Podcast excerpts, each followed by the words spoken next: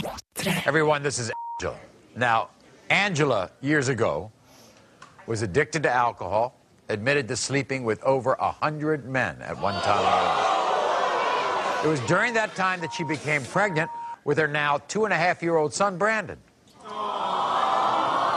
Now, I want to tell you, five men have appeared on our show, and they have been proven not to be Brandon's father.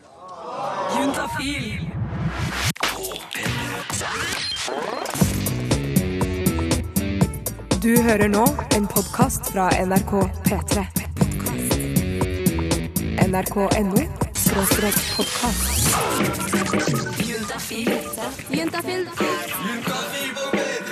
Med programleder Tuva Fellmann. Jeg husker godt den perioden i mitt liv eh, hvor de rundt meg eh, mista jomfrudommen, altså de på min alder. Hvor én etter én fortalte hva som skjedde, eh, og litt sånn knisete og ganske usikre forklaringer. Det var liksom en eller annen greie med at nå hadde de endelig gjort det. De var liksom over en kneik, og jeg tror ganske mange kjente på en eller annen en viss kulhet. Men så tok det selvfølgelig ikke så veldig lang tid før vi skjønte at det er en hårfin balanse her. For plutselig så var det noen som hadde vært borti litt for mange. Brått så gikk folk fra å være den kule som hadde hatt sex, til den som hadde hatt for mye sex. Den som hadde rett og slett ligget med for mange.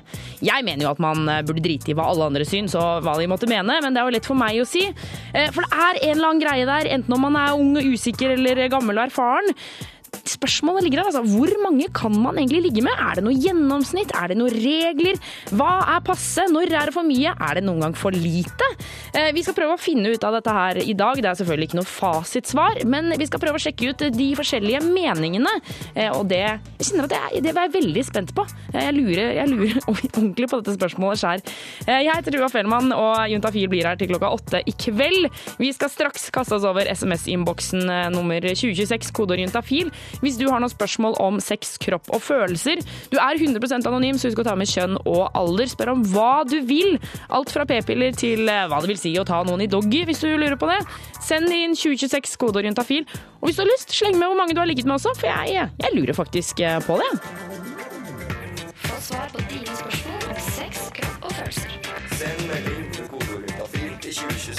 Og jeg er så heldig å kunne si velkommen til Ida og Karina fra SUS. Velkommen! Tusen takk. Eh, Dere jobber i eh, SUS. Eh, Dere er leger. SUS det står for Senter for ungdomshelse, samliv og seksualitet. Eh, Og Der sitter det noen hver eneste dag og svarer på både mail, SMS-er og telefoner. Og så kommer dere en gang i uka da, og svarer her på Juntafil. Og det syns dere er hyggelig. Veldig hyggelig. Veldig hyggelig. Em, nummeret er 2026, koder er juntafil, uh, og du er 100% anonym. Vi har fått inn SMS her fra gutt 17. Jeg og kjæresten bruker kondom, men på tirsdag kveld sprakk det. Dama sa det var greit, for hun hadde ikke eggløsning da. Uh, Er det virkelig sant det går greit da? Hvordan vet hun det? Ja. oh, det hørtes skeptisk ut, Karina. Veldig skeptisk. nei, altså uh, Først så spør han jo er det virkelig greit. Jeg må si ja, nei, det er jo egentlig ikke det. fordi uh, hun kan på en måte ikke vite når hun har eggløsning, da. Nei, er, for han sikter til disse sikre periodene, gjør han ikke det? Ja, det er nok det hun, hun kjæresten mener. at det er liksom, Hun tror ikke at hun har eggløsning nå, og derfor så, så går det greit. Mm. Men du kan, ikke, du kan ikke spå eggløsning. Det er det som er kjipt. For den kan komme når som helst, sier du? Ja, mer eller mindre. Ok. Så, Ja. så det vil si at eh, for dette paret her, så må hun rett og slett gå og ta en angrepille, da, eller? Ja, altså Hvis kondomet sprakk, og særlig hvis han hadde utløsning da, som havnet oppi skjeden, da er det vits i å ta en angrepille for å redusere risikoen for graviditet. Og hvilken dag var det? Det var tirsdag. Ja, eh, og da er det jo to dager siden. Ja, og angrepille det har aller best effekt hvis du tar den rett etterpå. Da har den sånn nesten 100 men ikke helt. Eh, Men nå som det har gått to dager, så er det fremdeles en god sjanse til at man kan forhindre en graviditet da, hvis den er som, som eventuelt ville kunne oppstå. For hvor, lenge, hvor lang tid har man på seg? Eller altså, hvor lenge er det aktuelt å ta en angrepille? I fem dager er det aktuelt. Fem dager, ja! Herregud, det er nesten en hel uke, det. Men da, da minker sjansen for at den skal funke relativt drastisk, eller? Ja, det er vel egentlig sånn tre grenser. Altså, det første er sånn innen tolv timer, som eh, Karina sa, at da er det nesten 100% eller 95 ja. Og så etter tre dager har den fremdeles ganske god effekt, men den kan ha en viss effekt i inntil fem dager, da. Ok, jeg skjønner. Eh, og, og, så alt i alt, altså, eh, få tatt en angrepille. Og så eh, skal man, eh, Ida, skal man ta en graviditetstest, eller? Ja, det er jo sånn som jeg sa, altså optimalt så kan den ha 95 altså prosent. Det er jo litt sånn Det er vel ikke noe helt sikre tall på dette. Men den har jo aldri 100% Så hvis man vil være helt sikker på at man ikke har blitt gravid, så anbefaler vi alltid at man tar en graviditetstest etter to uker, da. Nettopp. Hvis du der ute har eh, flere spørsmål om sex, kropp og følelser, eh, eller noe annet eh, hvis du lurer på det, det er ikke sikkert at Karina og Ida kommer til å svare på det. Eller de kommer til å svare, men om de kan svare, det vet jeg ikke. Eller hva tror dere, jenter? Det gjenstår å se. Ja, de gjenstår å se. Nettopp, nettopp. Få svar på dine spørsmål Og våre sysleger Ida og Karina, dere skal få slippe å si hvor mange dere har ligget med. Men syns dere det var en fin pekepinn det der, eller? Jeg vet ikke om jeg syns eh, ett siffer er for lite. Det var strengt. Men det var strengt, ja. Ja. Ja, nettopp, nettopp. Eh, men ikke for gutt 20, da. Men Nei. for, kanskje for noen andre. Ja. Eh, Vi har fått inn SMS til 2026 koder juntafil, hvor det står Kan man ha mensen selv om man er gravid, eller blir den mer uregelmessig enn normalt? Tatt graviditetstest, den var negativ, da. Eh, Før vi liksom går inn på dette med mensen, negativ og positiv i medisinsk forstand. Hva er det som er gravid, og hva er det som ikke er gravid? Ja, Når det gjelder spørsmålet hennes, eh, så er jo svaret egentlig nei. Men samtidig så har hun et poeng. Eh, Fordi det er sånn at man, man har ikke regelmessig menstruasjon når man er gravid, sånn som man ville hatt eller sånn en gang i måneden, par, tre, syv dager blødning. Eh, Men man kan ha småblødninger. Eller noen har småblødninger. Ja. Og en blødning som er litt viktig å huske på, det er den som kalles for implantasjonsblødningen. Oi. Og det er egentlig helt i starten av graviditeten, når eh, eggcellene og sædcellene har gått sammen, så fester de seg i livmoren, og da kan det blø lite grann. Og den skjer ganske samtidig som når man ville fått mensen. Så noen kan liksom feiltolke den for å være menstruasjonen, da. Men den er mye kortere og mindre. Ok. Og, og hun har tatt en eh, graviditetstest, og den var negativ, så det vil si at hun ikke er eh, altså På den testen så er hun ikke gravid, men det du mener er at det kan hende at hun er det likevel? Det som er litt viktig, er tidspunktet hun tok den graviditetstesten. Ja. Eh, fordi hvis hun tok den graviditetstesten eh, før den implantasjonen skjedde, eh, så kan hun fremdeles ha blitt gravid etterpå. Ikke sant? Eh, så derfor, hvis hun vil være 100% sikker, eh, så bør hun ha ventet minst 14 dager da, etter det samleiet eh, med å ta den graviditetstesten. Eller så kan hun ta en ny, da. Ja, ikke sant. ikke sant. Mm. Um, vi har fått inn en til hvor det står er man veldig unormal om man er jente 18 år, er jomfru, aldri hatt kjæreste, ikke engang vært forelsket. Nei, man er ikke veldig unormal. Nei, man er ikke det, ikke sant? Det er ganske mange som opplever det. Nettopp. Jeg bare var inne på nettsiden til NRK, og helt på toppen der så står det om en jente som er 26 år og aldri har hatt kjæreste. Så en jente 18 har mye igjen å gå på, føler jeg, altså. Ja, ja, ja. Det er jo det, det er liksom en myte det der at alle på en måte har kjæreste og har ligget med noen og sånn før eh, Ja, sånn egentlig tidlig, og det er jo ikke sånn i det hele tatt. Når man er 18 år, så er det ca. en tredjedel da som ikke har ligget med noen og, og ikke har begynt å ha fast kjæreste og sånn. Det er ikke unormalt, da. Ikke sant, ikke sant. Juntafil med Tuva Fellmann på P3. Medion med finale eller uh, final. Jeg er litt usikker på hva man skal si der. Eh, Jonas Jeremiassen Tomter, har du noe bedre svar? Le final! Le final! Ok, da sier vi det. da sier vi det. Uh, vår kjære reporter, velkommen inn i studio. Hjertelig takk, Tuva, og uh, må jeg få gratulere deg med fårikålens dag. Er det, uh, er det fårikålens dag? Ja. Åh, kan jeg, er det lov å uttrykke hvor mye jeg hater fårikål? Jeg oss ikke snakke om det, jeg blir så dårlig humør av det. av å snakke om slikt. Men Jonas, hva har du eh, gjort i dag? Jo, jeg, ja, jeg har lurt litt på dette her med, eh, med hvorfor, hvorfor de på, på, særlig på videregående, hvorfor de kaller hverandre så mye stygt. Altså sånn hore, eh, rundbrenner, player. Det er veldig mye sånne negative lada ord om seksualitet. Ja, De er veldig strenge med hverandre. Og, og, og, så, og så lurte jeg på, er dette her bare en, en fordom jeg har, eller er det sånn faktisk eh, på skoler? Så da reiste jeg og besøkte en videregående skole. Som regel sier man jo ikke til hverandre 'du er hore'. Da er det mer sånn å si liksom, med andre venner da, at hun er skikkelig løs, liksom. Fordi hun ligger med mange. Jeg er på en videregående skole for å prøve å finne ut hvorfor de kaller hverandre for horer. Men det er ikke sånn at man går bort til hverandre og sier liksom 'du er skikkelig horete'. Som regel gjør man ikke det. Men hva sier det bak ryggen? Ja, det gjør man. Jenter vet eh, hva som skal sies om andre jenter, for at de skal eh, virker lite attraktiv for andre gutter. Det her, det er Eh, Jeg heter Mons Bendiksen, jobber som førsteamanuensis i sosialpsykologi ved Psykologisk institutt NTNU. Og sammen med kollegaen sin Edvard Ottesen Kerner. har han laget en studie på seksuell trakassering i den videregående skolen. Jenta vet at uh, gutta er, er opptatt av eh, seksuell tilgjengelighet uh, på den ene siden, og seksuell trofasthet på den andre. Hvis ei jente blir kalt for ei hore, så er det seksuell trakassering, og det er ikke greit. Men grunnen for at hun blir kalt det, er fordi de andre dyrene i flokken vil vise at hun er seksuelt lett tilgjengelig. Men gir også signaler om hun, er seksuelt, hun kan være seksuelt trofast å gjøre. Altså et godt gammeldags kjæresteemne. Og eh, det her kan slå ut av, på to måter. For en gutt som er interessert i, en, i bare sex eh, på kort sikt, så er jo signalene om seksuell tilgjengelighet eh, et OK signal og vil agere på det. Så noen gutter vil like at ei jente er litt lett på tråden. Men for en gutt da, som er interessert i et langvarig forhold, så vil det- det at hun ligger med veldig mange, ikke være noe godt signal for han med tanke på et langvarig forhold. For hun vil trolig ikke være trofast mot han. Se for deg en videregående skole. Et svært bygg med mange rom som alle er stappende fulle av kåte ungdommer. Det er klart det blir litt eh, konkurranse da. Det er på en måte en gutteting å ligge med mange. For at det er en jenteting skal liksom holde seg til én.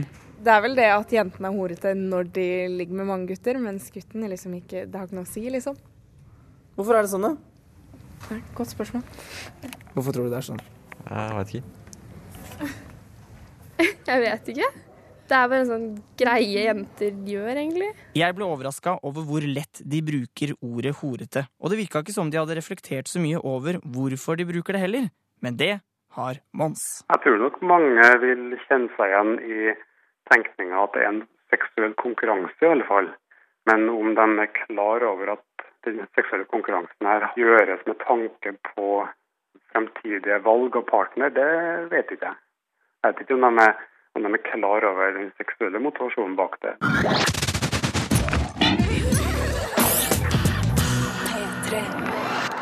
Hva tenker du her, Jonas? Jeg vet ikke om de er klar over den seksuelle motivasjonen? Nei, men eh, Nei, de vil jo bare Altså, det er jo så mye konkurranse, vet du. Er 30 i hver klasse, og alle har lyst på hverandre. Det er, da blir det jo litt sånn derre Ja, da, da skjønner jeg jo det at det er den sterkestes rett. Ja, ikke sant.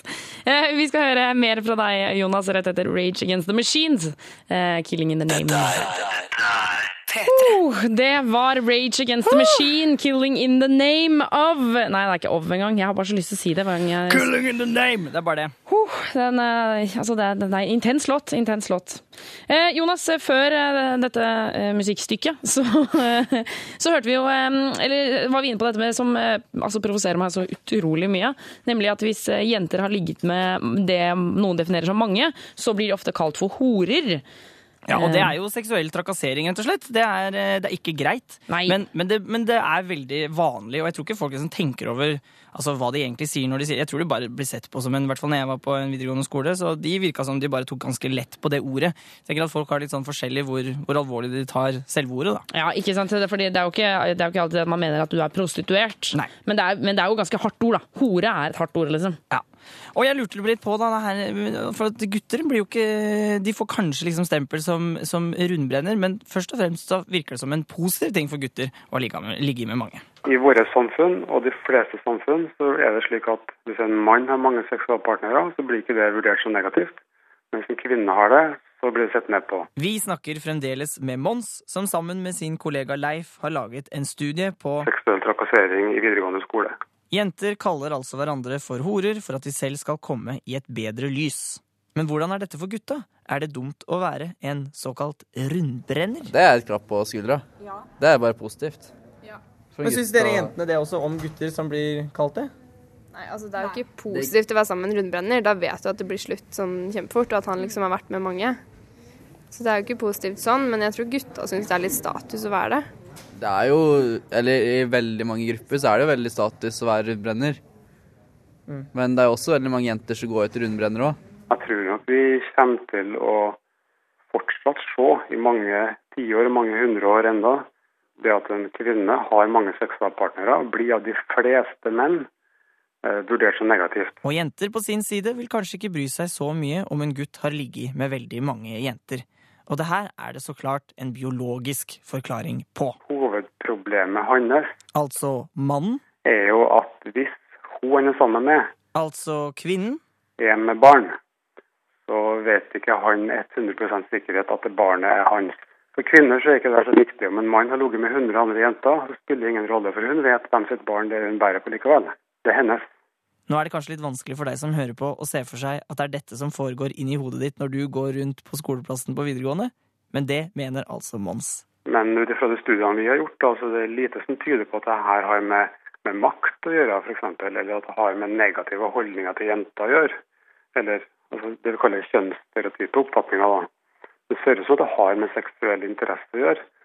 Eh, og i hvilken grad man er interessert i å ha sex for sexens skyld, og ikke for, for kjærlighetens skyld. Men selv om det kan være naturen som får oss til å gjøre disse tingene, er det ikke riktig å si vonde ting om andre. De som blir utsatt jevnlig for negative kommentarer om, om kjønnet sitt, eh, om seksuell legning eller om deres eh, seksuelle trofasthet, de reagerer på det med å si at de har mer angst, de er mer engstelige, eh, de har mer depressive tanker, eh, de trives dårligere på skolen, og de rapporterer lavere selvaktelse, altså egenverdi. da. Sånn sett er det sikkert ikke så gærent å være det, men det er jo gærent for den personen å bli kalt det, sånn sett. At det har mer å si det at eh, det er gærent å bli kalt det hore enn å være ei hore. Og ha det på seg. Men her måtte jeg rett og slett spørre. De vet at disse jentene de snakker om, faktisk ikke er prostituerte. Jeg vet egentlig ikke hvorfor hore er liksom brukt sånn, men det er vel fordi at de har seg med mange, liksom. Og det bare har blitt et uh, uttrykk for det. Ikke sånn at de tar betalt for det, men uh... Men uh, det er kanskje ikke nødvendig å kalle hverandre dette her hele tiden.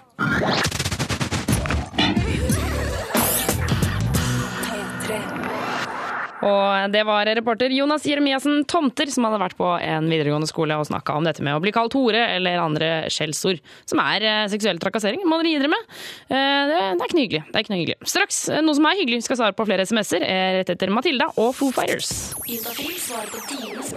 Og de spørsmålene kan du sende til 2026, kodord juntafil. Og det er Karina og Ida, våre sysleger, som skal svare på de her i studio. Sant det, jenter? Ja. Ja. Jeg har fått en SMS hvor det står Hei, jeg er en jente på 24 og har aldri hatt orgasme med noen. Jeg tror jeg kan hatt det ved visse drømmer, men aldri alene eller med en partner i våken tilstand. Det er utrolig frustrerende og kjedelig for min del. Sex er blitt et tiltak. Noen tips? Ja, dette her tror jeg ikke hun er alene om. Nei, jeg tror det er mange jenter som ikke kommer. Ja, øh, hun er jo 20-årene. Ja. Kanskje ikke hatt så sinnssykt mye sex, men gått lei allerede fordi hun ikke får til det her Ja. med orgasme. Og det, det skjønner vi godt. Ja, så, så hva kan hun gjøre, da? Nei, Først så må hun øh, huske på at hun, hun kan få det til. Kroppen eh, er litt vrang med henne, men hun kan som alle andre få til dette. Ja. Så det er, det er i hvert fall et, det er lys i tunnelen. Ja, det er det. Eh, Men et poeng som er litt viktig, hun, hun sier jo at hun ikke har fått det annet enn kanskje i drømme. Så jeg får litt inntrykk av at hun ikke egentlig helt vet om hun har fått det til eh, noen gang i det hele tatt. Og da er det jo et poeng som er veldig viktig, og det er jo at eh, man får Veldig, veldig mange jenter eh, får ikke orgasme med en partner før de har fått det til selv. Eh, så hun trenger egentlig å øve, og det kan godt være at hun har gjort mye allerede. Eh, Men det kan også være at hun har øvd litt på feil måte. Ja. Mm. Så, så hvordan øve skal hun gjøre? Altså det, punkt én er jo at de aller fleste jenter trenger å få stimulert klitoris da, for å få orgasme. Mm. Det er ikke nok med en penetrering. Og, og med å stimulere, klit, eh, stimulere klitoris, da mener du liksom f.eks. ta fingeren frem og tilbake oppe på klitoris eh, og sånne ting, eller? Ja, sånne ting. Eh, Det fins jo masse forskjellige teknikker for det. Eh, Så det er jo noe man på en måte må øve på selv. Eh, Og da er det jo eh, Det viktigste er jo å finne en metode som funker for deg. Og noen bruker jo hendene da, med liksom fuktighet, enten spytt eller glidemiddel eller sånn. Mhm. Så går det også an å bruke dusjen. Noen bruker den. Nettopp. Eh, Eller et sexleketøy. Eh, Og der fins det jo masse å velge mellom. Ja, sånn vibratorer og, og sånne ting. Den type ting, ja. Så det er rett og slett bare at hun, hun må bare øve? Hun må bare øve, og så må hun tenke kanskje at dette er noe som kan ta litt tid. eh, Og ikke bli skuffet om hun ikke får det til med en partner før hun har fått det til selv, da. Ja. Um, og så er det jo litt med det å, å kanskje det er jo vanskelig, ikke sant? for man vil gjerne få det til, men samtidig ikke tenke at sexlivet står og faller på den ene orgasmen, fordi da blir det fort en veldig sånn stressgreie. Ja, og så er det noe med det at eh, sex er jo på en måte digg selv om man kanskje ikke kommer. Så jeg mener, eh, det, det kan at hun har en eller annen sånn forestilling om at hvis hun kommer, så kommer det alt til å bare Det kommer til å bli så sinnssykt bra. Men det gjør det jo ikke nødvendigvis. Nei, det er litt riktig det der at man må på en måte forsøke å nyte sexlivet både med og uten orgasmen, på en måte. Um, og bruke tid på nærhet og kos og gjøre ting på forskjellige måter. Juntafil. Torsdag fra fem til åtte på P3. Juntafil. Juntafil. Med programleder Tuva Fellmann. Ofte så sitter jeg i samtaler hvor eh, alle som er i samtalen er ganske åpne rundt sex og preferanser og de greiene der. Eh, Og de jeg snakker med er ofte frempå. Eh, De sier 'jeg liker det sånn' og 'jeg liker det sånn og sånn'. Men så kommer jo av og til spørsmål da. Ja, men hvor mange er det du egentlig har ligget med? Og da blir det så mye usikkerhet. Og så sier jeg ofte liksom sånn, Nei, jeg, jeg har vel ikke ligget med, med så mange. Eller det kommer litt an på hvor mange har du ligget med. For jeg tenker at så mange jeg har ligget med, er vel ikke så mange som Nei, nå vet jeg ikke. Er det få? Er det mange? Er det, er det helt passe? Så blir det sånn utrolig usikkerhet. For jeg lurer på, Er det noen sperrer på noen av sidene her? Hvordan det an å ha ligget med for få, eller hvordan det an å ha ligget med for mange?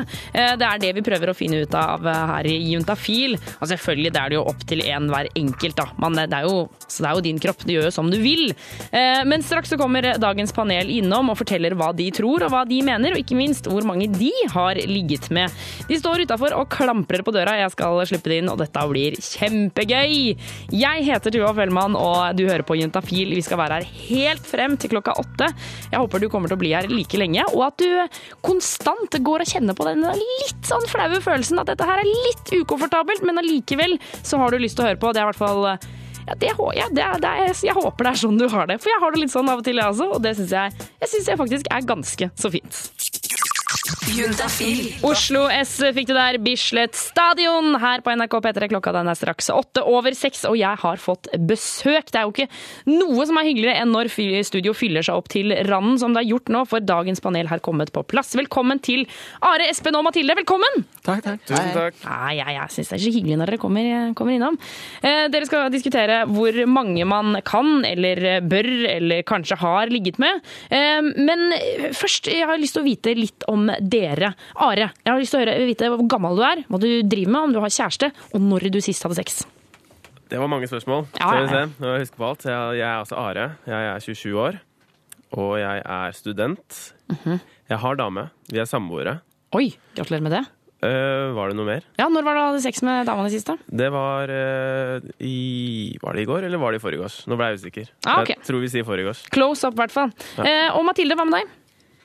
Ja, jeg er Mathilde, 19 år, og jeg er student. Og jeg er singel. Og eh, sist gang jeg hadde sex, var i juli. I juli? Ja. Ok. og Espen, hva med deg? Eh, Jeg er 20, jeg har kjæreste, eh, studerer og hadde sex i går. Hadde sex i går, ja. Så det er alt fra juli til frem til i går. Vi skal jo eh, snakke med dere mye i dag. dere skal bli her en god stund til. Jeg lurer på hvor mange dere har ligget med, selvfølgelig. Så hold deg her på P3 for å få med deg resten av panelet. Hvor mange dere har ligget med, om de er fornøyd med dette tallet. Om de syns det kanskje er mye eller for lite. Eh, det skal vi jo vite etter denne låta her. Er det er, ikke noe som heter sexpoliti. En gutt blir venner med en jente, så må gutten være homo. Panel, panel, panel. Jeg har fortsatt besøk av dagens panel, som består av Are, Espen og Mathilde. Og jeg kjenner, altså dere folkens, nå er jeg veldig spent på å høre hvor mange dere har ligget med. Eh, Er, det så, er dere nervøse for å si det til noen? Nei, egentlig ikke. Nei? Nei, det er fint. Eh, Vi, vi starter med deg, Mathilde. Hvor mange har du ligget med? Eh, tre stykker. Du har ligget med tre stykker, eh, og du er 19 år. Ja. Nettopp. Eh, Og eh, Are, hvor mange har du ligget med? Eh, jeg har ligget med fem. Du har ligget med fem. Og Espen, deg til slutt? Eh, Jeg har ligget med 19. Du har ligget med 19. Det er et stort spenn her. Ja, men jeg mista jo jomfrudommen veldig tidlig òg, da. Oh, ja, når var det du mista jomfrudommen? da? Da var jeg 13. Oi, dette kjente jeg at dette skulle vi hatt en egen sending om. Men folkens, hva tenker dere om, om disse tallene? Er dere, er dere fornøyd med der hvor dere ligger på, på hvor mange dere har ligget med? Jeg kunne godt kanskje hatt litt færre, for eh, det er liksom noen av dem jeg så vidt husker ansiktet på. Og det syns jeg kanskje er litt drøyt, da. Ja. Are, hva tenker du? Nei, altså Jeg, jeg syns det er greit. Jeg, det, for meg er jeg litt likegyldig akkurat der. Altså, det er ikke hadde ikke gjort meg noe å ha mer, og jeg hadde ikke brydd meg hvis jeg hadde hatt færre heller. Nei. Eh, Og Mathilde, du er jo, du er jo ganske ung, altså du er under 20 år, ja. og, og har ligget med tre stykker. Hva, hva er det, hvordan er du i forhold til vennegjengen din? Eh, ganske normal, egentlig. Ja. Er du fornøyd? Eh, ja, ja, jeg er ganske fornøyd. Jeg er ikke misfornøyd, i hvert fall. Nei. Eh, Jeg tenker sånn, i forhold til eh, Gutter, dere har jo kjæreste. Eh, Tenker dere at eh, tallene hadde vært eller, altså, Hvordan hadde tallene vært hvis dere ikke hadde hatt kjæreste? Eh, trolig akkurat det samme, for vi ble sammen for ikke så veldig lenge siden. Ja, Ja, og mitt hadde nok kanskje vært litt høyere. Ja. Det, og jeg er litt sånn forholdsperson. Ja, ikke- Så jeg prøvde meg som singel en sommer, og det, det blei jo litt action, men jeg syns ikke det var så kult, egentlig. Og Hvorfor ikke det? Nei, jeg er litt mer sånn forholdstype. Jeg liker liksom den tryggheten og, Ja. og søke litt eh, i den retninga, da. Mathilde, se for deg at vi, vi spoler 15 år frem i tid. Hvordan, ja. hvordan ser det ut eh, hos deg da? Altså, da tenker jeg på, på antallet. Mm, kanskje 15? Ja, så- jeg, jeg vet ikke. Ganske opp, da, eller? Ja. Hvorfor det? Fordi det er jo kult å ha prøvd liksom flere forskjellige folk, da. Og selv om kanskje man på en måte noen år så har man jo kjæreste, og da blir det på en måte ikke no, Da blir det jo bare én da i mange år. Men de årene man er singel, så er det jo normalt å kanskje ha sex med et par i året, da. Ja. Da blir det jo fort 15. Man kan jo ha hatt sex med Eller man kan jo ha hatt jævlig mye sex, selv om man ikke har hatt sex med så mange. Ja. Så Jeg, jeg lurer på, altså, Hadde dere klart å, å liksom estimere hvor mange ganger dere har hatt sex? Nei, det er veldig mange. Jeg hadde kjæreste i to år, og så var jeg singel en stund, og så nå er jeg kjæreste igjen, så det er litt sånn eh, gjett. 1000? Tusen, ja? Ja. Oi, ja, det står kanskje 40 på meg. Jeg blir sittende og tenke på det sjøl. Jeg syns det er kjempevanskelig. det er litt sånn hvor mange sekunder har du levd? Du har liksom Ja, du det er- har, du har liksom ikke noe Ja, du må liksom regne på det. Det blir litt rart. Man må liksom gjøre det. Jeg skal la dere slippe å regne panelet, men dere skal få bli her litt grann til. Eller enten dere vil eller ikke. Jeg vil ha dere her, og det, det er fint. Eh, Vi skal bare høre litt musikk først. Eh, Her får du Black Eyes and Blue. Liksom, det er, det er ikke noe som heter sexpoliti. En gutt blir venner med en jente, så må gutten være homo. Panel, panel, panel. Jeg har fortsatt besøk av dagens tallpanel, for det er jo mye snakk om tall i dag. Vi lurer på hvor mange man kan ligge med. Jeg står her i studio sammen med Are, Espen og Mathilde. Og før låta så fikk vi vite at dere har ligget med eh, fem, tre og 19. Eh, Men at det kanskje også var plass til flere. Men folkens, jeg lurer på, når er det det blir for mange? Eh, jeg vil tro at jeg er rett opp under greia, for jeg er 20 og har hatt sex med 19 personer, og det er kanskje litt vel mye, syns jeg, da. Eh, det går an å holde seg til én over lengre tid, og kanskje ikke bare dra på vift hver eneste gang du er ute og tar mer enn 1-0. Men, men liksom, hvis du har vært seksuelt aktiv siden du var 13, da. Det Ja. er jo relativt tidlig, men eh, det er liksom syv år. 19 stykk. Det er liksom tre i snitt Men jeg, i året. jeg var jo ikke seksuelt aktiv. For jeg, Nei, ok. altså, det var, ikke Det var ikke Du var første ikke gangen, ute på altså. og sjekka opp på one night stands og sånn da var 13? Det var seks da jeg var 13, og så ble jeg 16. ikke Ja, jeg skjønner. Jeg skjønner. Men Mathilde, hva tenker du om? Når er det det blir for mange? Det kommer litt sånn, som de andre sa, an på alder. Men jeg syns ofte det kan være Kanskje sånn hvis du er 20, da, så er 20 litt mye. Og hvis du er 30, så er 30 litt mye. Sånn i snitt, da. Så altså, liksom litt under din egen alder, tenker du? Litt under min egen alder er liksom grensa, da, tenker jeg. En i året, mm, ja, med, med, litt mer enn det. Ja, for jeg tenker sånn, altså, Vi som er single, skal vi bare få ligge én gang i året, vi, da? Nei, jeg mener ikke det. Jeg, jeg, jeg syns at uh, høye tall det gjør egentlig ingenting. Det. Nei. Det, er, det er ikke litt gammeldags å drive og pese folk på grunn av det. Ja, det er ikke, jeg vet ikke. Jo, det er det. For det er jo ikke sånn at jeg driver på og tenker på de jeg tidligere har hatt sex med nå. Nei. Altså, du, du hadde jo 60-tallet, og da var det jo fri flyt. Sånn jeg vil si. Mm. Men eh, så har det jo men, men det har liksom snudd, da, og så har det kommet tilbake. Eller det har liksom Jeg mener at nå er vi i 2000 og Hvilket år er vi egentlig? 2012. Ja, lett å glemme. Nei, altså, herregud, er det så viktig? Ja, men jeg har jo et par kamerater som sier at eh, Som selv har ligget med liksom opptil 100 stykker, da. eh, Men sier at nei, jeg kunne aldri hatt en dame som har ligget med mer enn 20. eh, som fortsatt er opptatt av det. Jeg syns det er hyklersk. Ah, Og så Christina Aglera tok opp det der i 2001, eller når det var. Eller var det ikke hun? Jo, jo, det var vel hun som sa at eh, Nei, man hun skulle satte liksom foten ned da, og bestemte at eh, det der går ikke. Men- så vi må, vi må huske på hun. Mathilde, Mathilde, kunne du blitt en sammen, sammen en fyr, eller en av mine kompiser, da? Eh, hvis, de, hvis de var veldig, veldig snille Nå, da. Eh, jeg vet ikke. Um, jeg syns det er litt mye. Men jeg tenker egentlig at Det er liksom dumt å si det, da, men at det handler litt mer om hvor mange jenter har hatt sex med. At for gutter så har det ofte ikke noe å si, da. Og det litt, do- jeg syns det er veldig dumt at det er sånn, men allikevel så er det sånn, da. Man kan på en måte ikke Jeg satt og leste litt på Kvinneguiden. Og der, der, der man snakker om det derre hore- og Madonna-komplekset. Mm. Og det, det er vel det her vi snakker om nå. Ja. Og det, er- det er litt hot på Kvinneguiden, da, har jeg fått inntrykk av. Ja, jeg blir kvalm av å gå inn på Kvinneguiden, må jeg bare si. Jeg blir, jeg blir sånn syk av, fysisk Jeg har lært syk. jævlig mye der. Jeg. Men, men jeg vil bare et siste spørsmål her. Altså, hvis dere har truffet en person som kun hadde ligget med én person før dere, eh, altså nesten helt eh, jomfru, hvordan hadde det, hadde det vært et problem? Nei. Samboeren min hun har bare hatt én før meg. Ja, og hva tenker du om det? Jeg syns det er greit. Ja, altså Hun har jo hatt en del sex, da. Hun har vært i et langt forhold, liksom. Så Mm. hun er jo rutta for det. Det er skills. Og når man først er i et forhold, så utvikler man jo preferanser mellom hverandre også, ikke bare sine egne. Nettopp. Ja. Men kan jeg bare føye på en ting? Altså, jeg fikk ikke sagt hvor mange jeg syns det er greit å ligge med. Nei, hvor jeg har liksom er eh, tenkt litt på, på det her, da. Uh, og jeg syns uh, altså fem i året er veldig greit. Det, går, ikke sant? det kommer selvfølgelig an på alder. Mm. Så når du er 40, og så har du vært aktiv i 20 år, så er det jo 100 partnere. 100 og, ja, litt mer hvis du har vært aktiv lenger. Ja. Men, men fem i året, altså det blir jo for, for, de som ikke er, liksom for de som ikke er sammen med noen, så blir jo det blir jo lite, da, hvis man bare ligger med personen én gang.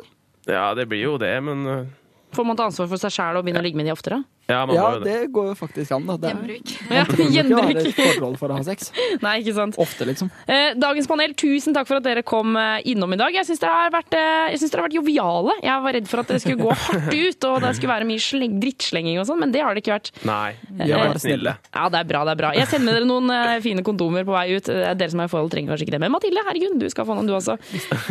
tusen takk for besøket. Ja, takk for oss. Du hører på Juntafil, og det er jo torsdag mellom fem og åtte. Da er det jo vi som går og snakker om eh, sex, kropp og følelser. Og jeg har fått inntrykk av, i hvert fall i det siste, at eh, torsdag er litt sånn date night for mange. At eh, det er da de liksom går ut på, på datene sine og sånne ting. Eh, Legg merke til hvor mye jeg ekskluderer meg for dette her. Men uansett, så hvis du er på en date nå, så syns jeg du skal ta sjansen. Er det For det første så håper jeg, håper jeg at du ikke hører på radio. I hvert fall ikke på dette programmet, hvis dere nå skal liksom kanskje kline etterpå og sånn, da kan dette bli kjempevanskelig. Så da hadde jeg rett og slett bytta radiokanal. Eh, Men, men om, eh, om du skal på date da, kanskje, eh, så syns jeg du skal ta sjansen i dag. Jeg syns du virkelig skal liksom gi på. Og hvis du ikke har noe date, så syns jeg du skal invitere noen ut. Det er en, en personlig oppfordring fra meg. Jeg syns du skal ja, rett og slett send melding eller ring eller noe sånt, og ta sjansen på, på den du er keen på, og spør om hun eller han har lyst til å finne på noe. Ta en kaffe eller en øl, eller gå ut og spille bowling eller minigolf. Det er også en veldig fin ting for date, har jeg hørt. Eh, ja, det syns jeg. Gå, prøv på det. prøv på det. Straks så skal vi svare på flere SMS-er som tikker inn til 2026, kodeord juntafil. Eh, da kan du stille spørsmål om sex, kropp og følelser. Hva du vil, for du er 100% anonym. Eh, Karina og Ida, våre sysleger, kommer straks inn i studio og skal svare på alt sammen. Enten her på lufta, eller så skriver de en tekstmelding til deg hvor du får svar. Få svar på dine spørsmål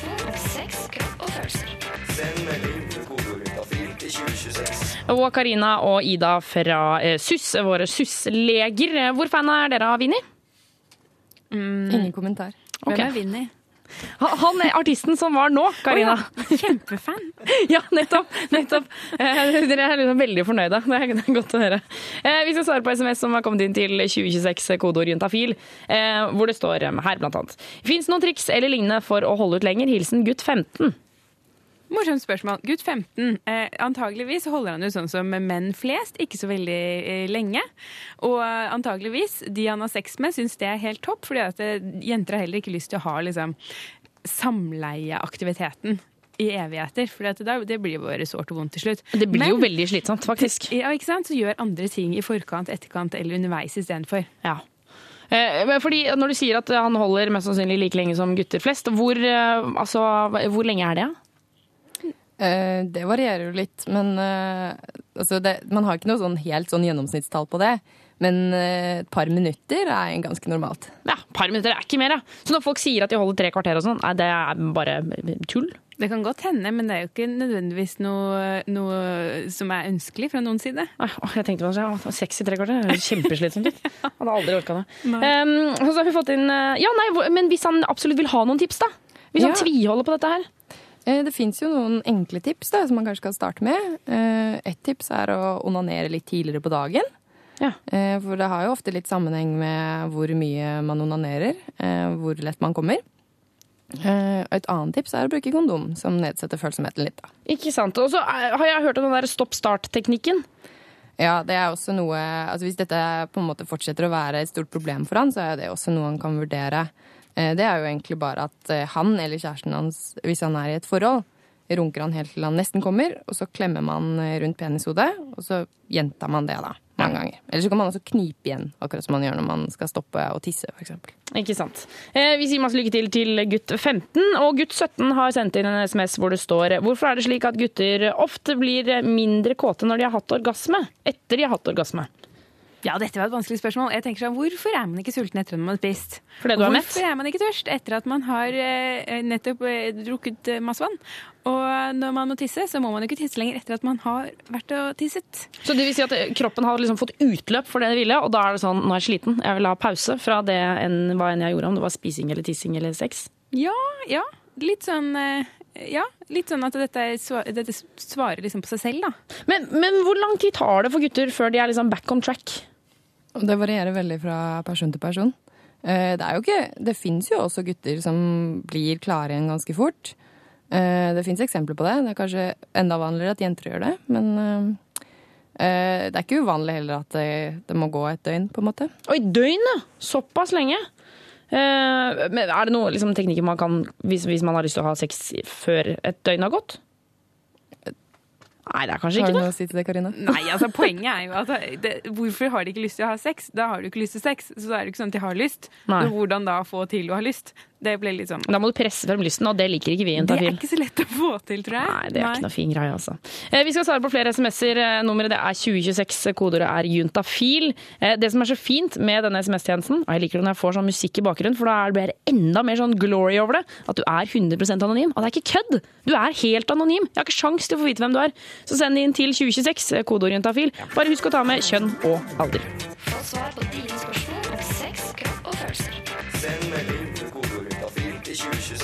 Og Karina og Ida, våre syslegger, sitter fortsatt klare her i studio. eh, Klare, på, klare til å svare på SMS som kommer inn til 2026, kodeord Jotafil.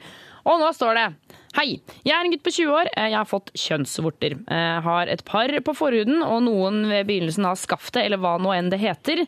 Har hørt at det ikke er noe farlig, og at det vil gå vekk av seg selv eh, etter hvert mest sannsynlig. Men vil ha de vekk nå. Har lest litt og sett eh, at det fantes en form for krem eller lignende, men har ikke funnet noe. Kan dere hjelpe meg? Ha en fin kveld videre. Ja, det må vi få til. Ja, det fins en krem.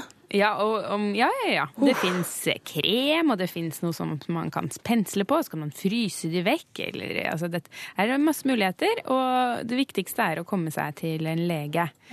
Eh, fastlegen, eksempel. Eller legen på helsestasjon for ungdom. Eller eh, det kommer litt an på hvor i landet man bor, da. Så, for, altså, så det er ikke noe man kan kjøpe på apoteket? Man må til legen, rett og slett? Han måtte jo ikke bruke sånn fingervortegreier du kan få på apoteket. Å nei, oh, ikke på tissen. nei, ikke på tissen. Det er en egen form for det man kan bruke på tissen, som man har på resept. Ja. Men så jeg lurer på, eh, for de som ikke vet hvordan eh, disse kjønnsvortene ser ut, eh, hvordan, eh, hvordan ser det ut? Eh, Det kommer litt an på akkurat hvor de sitter, eh, men de kan se ganske like ut som eh, vorter man har på hånden og andre steder på kroppen.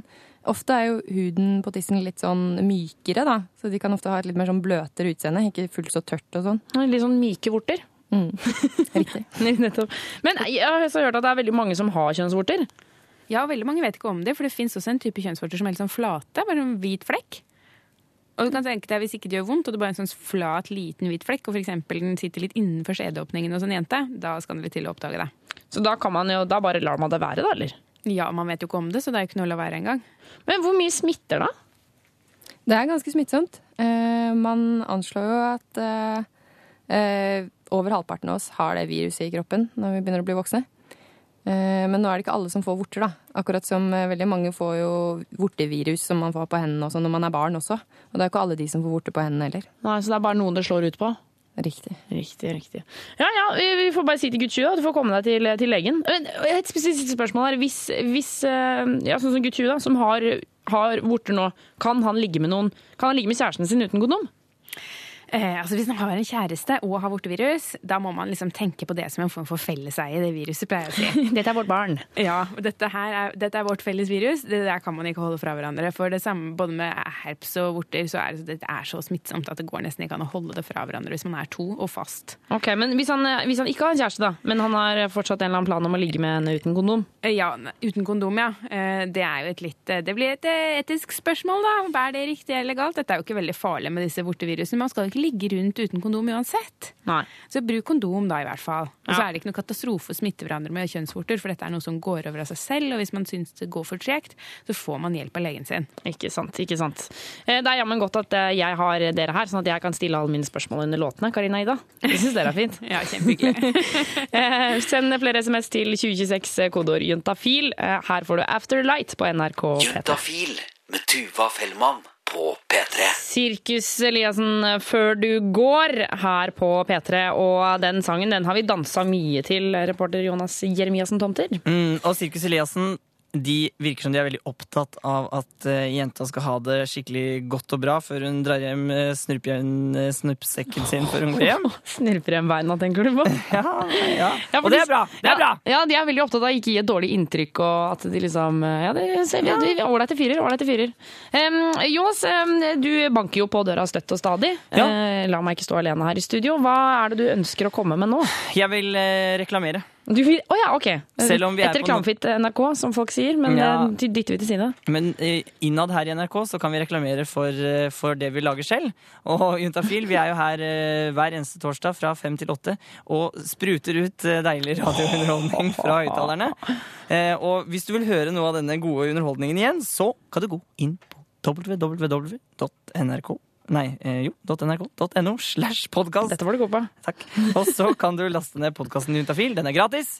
Eh, den eh, Eller så kan du gå inn i iTunes, det er enda lettere, og så bare søke på Juntafil der. Og da får du den inn på maskina di hver eneste fredag når du har fått suga deg til å laste den ut. Suga deg til å laste Suga, den. suga. Ja, ok, ok.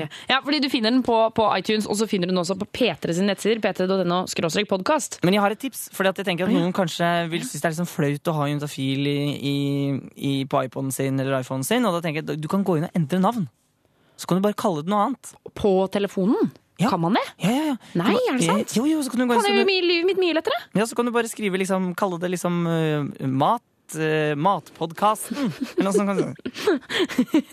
Hvordan, få, hvordan gjøre leksene på en riktig måte? Ja. Så da kan man bare laste ned, og det er helt gratis. Og det som er det fine med podkasten, er jo også at det er jo masse spørsmål og svar eh, på altså disse SMS-ene. Mhm. De ligger jo der inne, så det er jo bare å, å laste ned og kose seg. Kanskje tr Tror du noen runker til podkasten, Jonas? Mm, ja, jeg tror det. Jeg håper det. Jeg håper det, altså.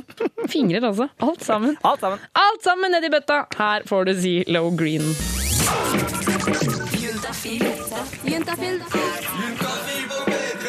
Med programleder Tuva Fellmann. Og det er torsdag, eh, det vil si at helga er rett rundt hjørnet. Det er snart en uke som har gått. Um, det er kanskje mange som gleder seg, og det er kanskje noen som gruer seg. Som tenker at i helga så skal jeg på et eller annet rart. Jeg skal slå opp med kjæresten min, eller kanskje jeg skal ligge med noen for første gang. Eller det er jo så mye som skjer eh, i disse helgene. Eh, og noen ganger så gjør man ting som man kanskje ikke burde. Eller ting ble kanskje ikke akkurat sånn som du hadde tenkt. Og plutselig så er det rare prikker et eller annet sted. Kanskje du ikke har fått mensen. Eller kanskje du sa noe, noe som du føler at det var helt feil å si. Jeg skulle aldri sagt det. Men så tenker du, var det egentlig så gærent? Jeg er usikker, og så trenger du noen andres mening. Det som er så fint, er at det kan jeg hjelpe deg med. Eh, straks så kommer våre SUS-leger inn i studio igjen. De skal svare på SMS. Eh, for det er jo, altså vi snakker fagfolk som sitter og svarer på de meldingene som du sender inn til 2026 kodeord juntafil. Um, og du er 100% anonym, eh, og, så det er viktig å ta med kjønn og alder. Eh, og så får du garantert svar, enten her på lufta eller på SMS i løpet av morgendagen. Eh, jeg skal nok slenge på litt synsing jeg også, hvis det er her på lufta. Eh, jeg vet ikke om du er fornøyd med det eller ikke, men jeg velger å gjøre det allikevel. Så uansett eh, om du lurer på hvorfor tissen din henger til den ene siden, eller hvorfor du alltid får sommerfugler av han ene på jobben, eller kanskje du er usikker på hvor lenge kan jeg egentlig ha en tampong inne, så sender du alt sammen til eh, 2026, kodeord juntafil. Eh, Husk å ta med kjønn og alder. Jeg heter Tuva Fellmann og blir her helt frem til klokka åtte, og gleder meg til det. Få svar på dine spørsmål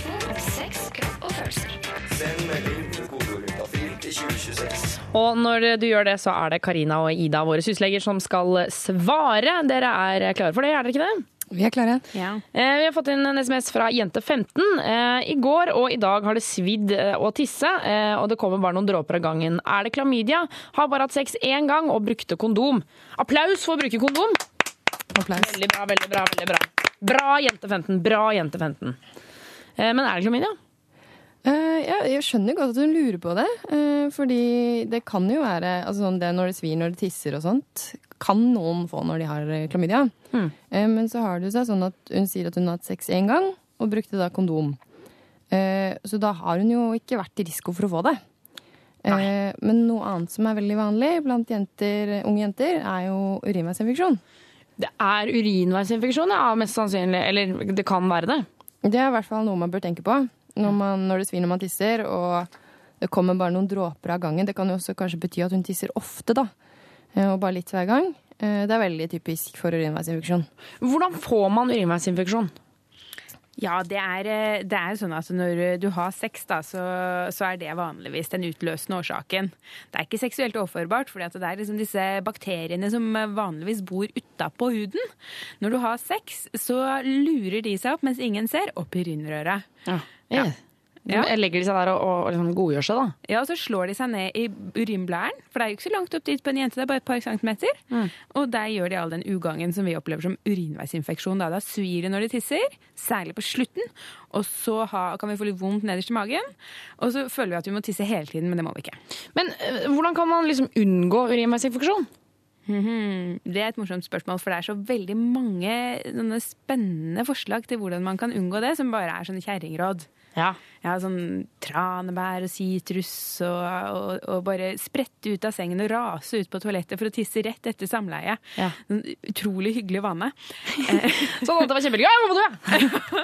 og ingen, ingen, ikke noe av dette fungerer, egentlig. Altså, Er det sant? Nei, Karina, mener du det? Ja, dessverre. Men det kan jo hende at for noen så kanskje det funker, og det er ikke farlig, så prøv det gjerne. Men hvis man er veldig plaget av dette her, så er nok det beste å gå til legen sin og finne ut om det er eh, eh, nødvendig å kanskje ha litt antibiotika hjemme eller noe sånt noe. Ok, for Jeg pleier alltid å råde mine venninner til å drikke masse masse, masse, masse vann med sitron oppi. Ja. Eh, og de sier at det funker. Det er jo lurt uansett, da, for det demper jo litt symptomene. Oh, ja, det har gjør det, du- ja, Men har du først fått en skikkelig urinveisinfeksjon, så blir du ikke kvitt det med å drikke sitronvann. Altså. Ok. Og med sterkere saker til. Men, men kan det ha noe med liksom eh, altså, For det er jo den der at man eh, ikke skal gå fra analsex til vaginalsex. Kan det, kan det være noe der? Noen bakterier eller sånt, noe sånt noe? Nei, du trenger ikke ha hatt litt sånn uh, grisete sex for å få urinveisinfeksjon, altså.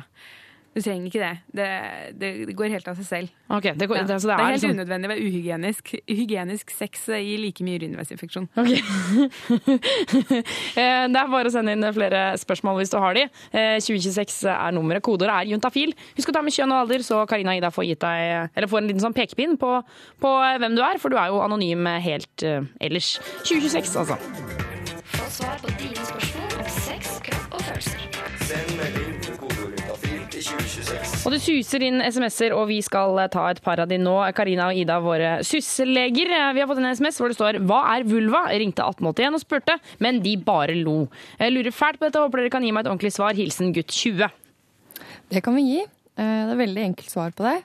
Eh, Vulva er egentlig alt som altså, Eller det man pent sier underlivet til jenter, da. Eh, De, in, nei, de ytre kjønnsleppene og alt imellom de. Det er vulva. Ja, Det er liksom, det er, det er betegnelsen på hele pakka. og liksom Både skjeden og klitoris og alle lepper og alt som er. Ja, det er det, det er det du pleier å omtale som slufsa og sånn. Ja, slufsa, ja. For Jeg syns det er et kjempefint ord. Det er så mange som sier imot, men fuck dere. Jeg syns slufsa er Det er et fint ord. Det er ikke det verste. Nei, det er ikke det verste. Jeg er jo opplært med at fitte også er et fint ord. Oh, ja. Eh, Men det er det jo mange som sier seg imot. Jeg syns det er fitte. Tenk det. Fitte. Vi må Det er ta det tilbake. Men, eh, men eh, vi har fått en SMS til hvor det står Hei, jeg er en jente på 18 år som har hatt analsex for første gang med kjæresten. Det var fryktelig vondt. Kan analsex være, fa være farlig? Og finnes noen måter hvor det ikke skal gjøre så vondt på? Det, van- det farligste med analsex, tror jeg, det er at eh, når man har analsex og det gjør vondt, så tar man liksom og Det er sånn angrep på den generelle sexlysten. Så jeg tror det å ha analsex som gjør vondt, det, det er skikkelig skikkelig dårlige nyheter for eh, sexlyst generelt. Så, da, men, så du mener at det er fysisk så er det ikke noe farlig, det er bare psykisk så kan det være litt sånn kjipt for, for eh, at man mister lysten til å ha sex?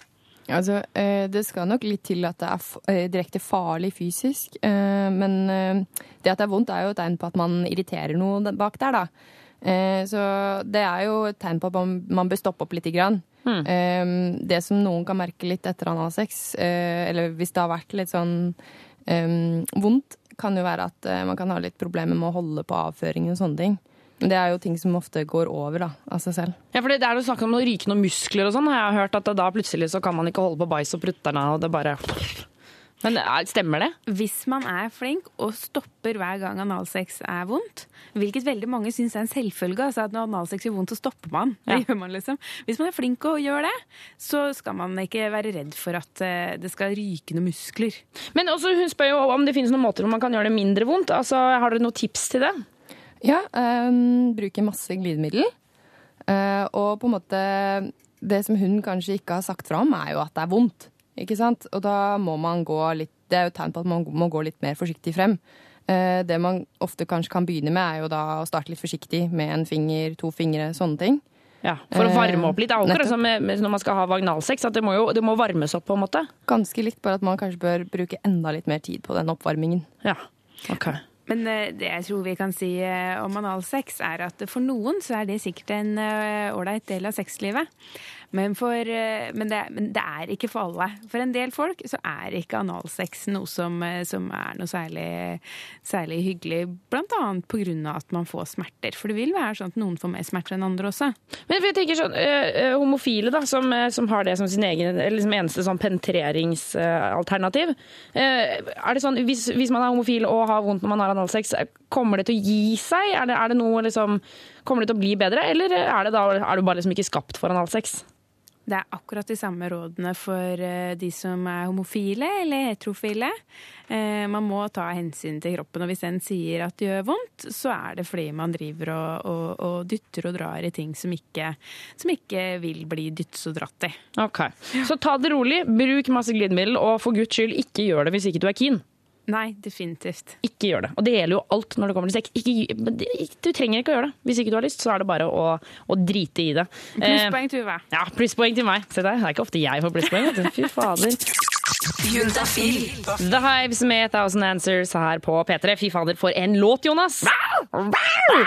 Eh, For dere som ikke vet hvem Jonas er, så er det han eh, reporter her i Juntafil. Eh, Og Jonas, vi har jo snakka mye om hvor mange man kan ligge med i dag. Ja, og vi har fått inn meldinger med kodeord juntafil til 2026, eh, hvor folk har fortalt da, hvor mange de har ligget med. Og her er ei som heter Marion som skriver Hei sann, i min tidligere singeltid var det ute Nei, det er ikke Marion som sier dette. Det er André som sier dette. Ok, ok. Jeg hadde dytta ham på navnet. Eh, I min tidligere singeltid så var det ute og farte hver helg. Ligget med ca. 70 jenter. Tips det er å ikke ha for mange i hver by. Da blir det rykteflom og drama. eh, og og han, hadde, han har kanskje lyst til å ta, kanskje, fjerne noen av de her jentene, da. Eh, og så er det gutt på 27. Han skriver jo færre, jo bedre. Har selv hatt to, og de har vært jomfruer. Er gift på sjette året med den ene. Oi, oi, Gjenbruk oi. er ikke for meg, skriver han. Ok. Eh, og så er det eh, Marion hun skriver Jeg har ligget med ca. 150-200 menn og noen jenter. Men nå er jeg 28 år og gravid med en fantastisk mann. Jeg har levd livet og angrer ikke på noe som helst. Jeg hadde gjort det samme igjen. Nettopp, se det der. Det, det er jo både de som eh, ligger med én eller to og er glad for det, og så er det noen som ligger med opptil 200 stykker. Og det er jo ikke sånn at man ikke finner kjærleiken for det. Folk er forskjellige, vet du, Tuva. Det er litt fint å tenke på da, Jonas. Ja, ja, ja. Um, du, da eh, sier jeg tusen takk til deg, Jonas, for at du ga informasjon om dette her. Viste hvor stort spenn det er. Spenn! Det er det de kaller meg. Eh, Så da kan vi nesten konkludere med eh, det juntafil ofte er kjent med å konkludere for. Alt er normalt. Nettopp. Alt er normalt. I hvert fall når det kommer til hvor mange du har ligget med. Bare husk å bruke kondom. Da blir mye, livet mye mye lettere hvis du får en kjønnssykdom. Eh, For du slipper å ringe til så jæsklig mange. Så kondom, plusspoeng til det. Her får du Dead Mouse og Chris James, The Wealth, her på P3. Få svar på dine spørsmål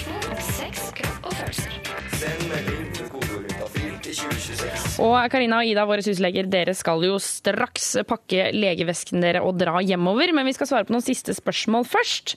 Ja. Um, og det er jo er det, altså det er sånn at alle får svar på SMS, de som ikke har blitt lest opp på lufta? Ja da, det er på SUS så jobber det leger som svarer hver eneste dag. Så eh, hvis man ikke får svar før eh, klokken åtte i dag, som er da SUS stenger, da, så kommer de tilbake klokken fire i morgen og begynner å svare på det som ikke rakk i dag. Nettopp, så det kommer til å komme svar. Eh, men vi har fått inn SMS fra gutt 14. Kan man bruke f.eks. Lano som glidemiddel? Nei, kan jeg svare. Nei! Du har Nei! helt rett. Du, du bør ikke bruke Lano som glidemiddel. Vet du hvorfor? Nei, det vet jeg egentlig. Jeg bare vet at man ikke skal gjøre det. Eh, det er jo sånn at eh, man skal jo ikke bruke vanlig såpe i underlivet. Nei, ikke sant? Du skal ikke bruke Lano i underlivet engang. Det Nei. er så ømfintlig der. Ingenting som irriterer. Og såpe, Lano er jo en form for altså, Det er jo en såpe som ikke er beregnet for underlivet. Det er mulig det er sånn at den, ikke, at den er såpefri, men den er i hvert fall ikke beregnet for underlivet. Nei. Og da kan den bidra til å tørke ut den huden som er der. det er for sterkt. Hvis Det- du ikke vil putte i munnen, så ikke putt det inn i skjeden. Ikke sant, ikke sant. Så, så hva slags såpe skal man bruke i underlivet, da? Eh, Da kan man bruke intimsåpe. Det fins masse forskjellige merker. For eksempel Dr. Dr. Greve eller Rasan. Men som glidemiddel så er det kanskje ikke ideelt, det heller. Nei, det, nei ikke sant. Ja, for jeg, nå, nå glemte jeg at det var glidemiddel vi snakka om. Vi skal ikke ha såpe og sex i det hele tatt, egentlig. Nei, nei, nei. Hvis man, glidemiddel er glidemiddel. Ja, for de som ikke vet hva glidemiddel er, altså dette er en gutt på 14 år. Hva, hva er egentlig glidemiddel? Du, det er sånn der blank væske som eh, egentlig bare skal være vannbasert helst, da, at vi kjøper på apoteket. Mm. Sånn at ikke det løser opp kondomen din. Og hele poenget med det er at det ikke det blir ikke liksom borte, det tørker ikke inn eh, så veldig, så du, så du fortsetter å være fuktig og, og glatt da i underlivet, sånn at, man, sånn at det blir liksom ikke så sårt når det, når det beveger seg frem og tilbake og, og sånn, da. Ikke sant, ikke sant. Ja, vi har fått en SMS til her. Hvordan kurerer man hjertesorg? Hilsen gutt 18. Ja, det høres kanskje litt sånn klisjéaktig ut, men uh, tiden leger faktisk alle sår i de fleste tilfeller. Han gjør det. Mm, Det er helt um, sant. Og det er helt forferdelig når du står på, og han må egentlig bare gi seg selv tid til å ta en liten time-out i forhold til dette, og ha det litt vondt, og så fokusere på å kanskje gjøre ting som vanligvis pleier å gjøre han glad, da. Ja, for det hjelper. Det å gjøre sånne ting som, eh, ja, som gjør han glad. Være sammen med de vennene som gjør ham glad. Ikke de som gjør han irritert. Nei, ikke vær som de kjipe folka. Nei, ikke sant? Og hvis du digger å gå på kino, så gå på kino. Ja. Og, og vet du hva, jeg, jeg har et tips jeg også. Bli god på noe. Eh, liksom, eh, finn, kom, kom opp med en ny hobby eller noe sånt, nå, og, så, og, og få liksom, den mestringsfølelsen. Bli liksom, flink på noe. Det tror jeg jeg- Litt hekta kanskje også? Ja, litt hekta, og bli opptatt av noe. Og liksom, eh, om det er i så fall Star Wars-figurer eller hva enn det er. Liksom, bli liksom, opptatt av noe. Absolutt. Og så ett siste tips. Unngå å oppsøke denne personen som ga deg hjertesorg en periode. Slutt å stalke på Facebook og holde på med det en stund. Ja, for det, det, er bare, det knuser bare hjertet. Og plutselig så har hun fått ny kjæreste og Uff a meg. Nei, så hold unna Facebook og unna der hvor hun pleier å være og sånn også, eller? Ja. Godt tips. Ja. Og jeg tenker også, vær litt sånn, vær litt fabelaktig. Når eh, det er, lov å, det er lov å fikse seg ekstra og være superfresh når du liksom, kanskje treffer en siden du går på samme skole. og sånn. Vær litt ekstra kul, tror jeg, tror jeg hjelper. Er, det, er det, hva tror dere om det? Plutselig ble dere så stille. Gjør sånne ting som, gjør, som får deg til å føle deg bra. Og det du sier, er jo en av de tingene. Ikke sant? Ja. Eh, Karina og Ida, tusen takk for at dere kom innom Juntafil i dag. Tusen takk for oss. Eh, og begge to kan du finne, altså ikke de personlig, men de og alle deres kollegaer kan du finne inn på suss.no. For fra fire til åtte hver eneste dag, eh, mandag, tirsdag, også torsdag, fredag, lørdag, julaften, nyttårsaften, påskeaften, når som helst, så sitter de der og svarer på mail, telefoner og SMS. Gå inn på suss.no for å få mer informasjon der. Juntafil med Tuva Fellmann på P3. Kings of Leon der med Sex on Fire. Litt av en låt, eh, Jonas Jeremiassen Tomter. Altså, Den er jo eh, skreddersydd for dette programmet vi jobber i, Juntafil. Ja, Sex on Fire. eh, litt av en låt, litt av en låt, litt av en låt. Eh, du, Jonas, vi skal rett og slett eh, takke for i dag. Vi skal gå hjem. Eh, ja. Eh, ja, skal vi liksom Jeg vil si noe ha det. Jeg vil, jeg vil klemme deg som hører på. Altså, Vi kan jo si til alle dere der ute som driver på med sex, kropp eller følelser at, Som eh, alle gjør, egentlig. Ja, alle gjør det. Enten om det er sex eller kropp eller følelser. At Vi bader jo i det hver uke og håper at dere som hører på dette programmet, liksom får noe ut av det, og at, at det blir litt lettere. For det er så fort, fort gjort å bli noe mikkel når det gjelder sex, kropp og følelser. Det er faktisk det, altså. Og, og det beste tipset er jo, eller det viktigste, er jo å gi Nei, å gi Holdt jeg på å si å gi Å og eller noe sånt. Å gi og ta. Gi, og gi og ta, men også bruke kondom. Gi og ta og bruk kondom, og ikke gjør noe du ikke har lyst til. Det er så sjukt viktig. Ja. Eh, Ikke, ikke gidd å bli med på ting du ikke er keen på. Eh, For det er ikke noe vits. Du kommer bare til å angre på det.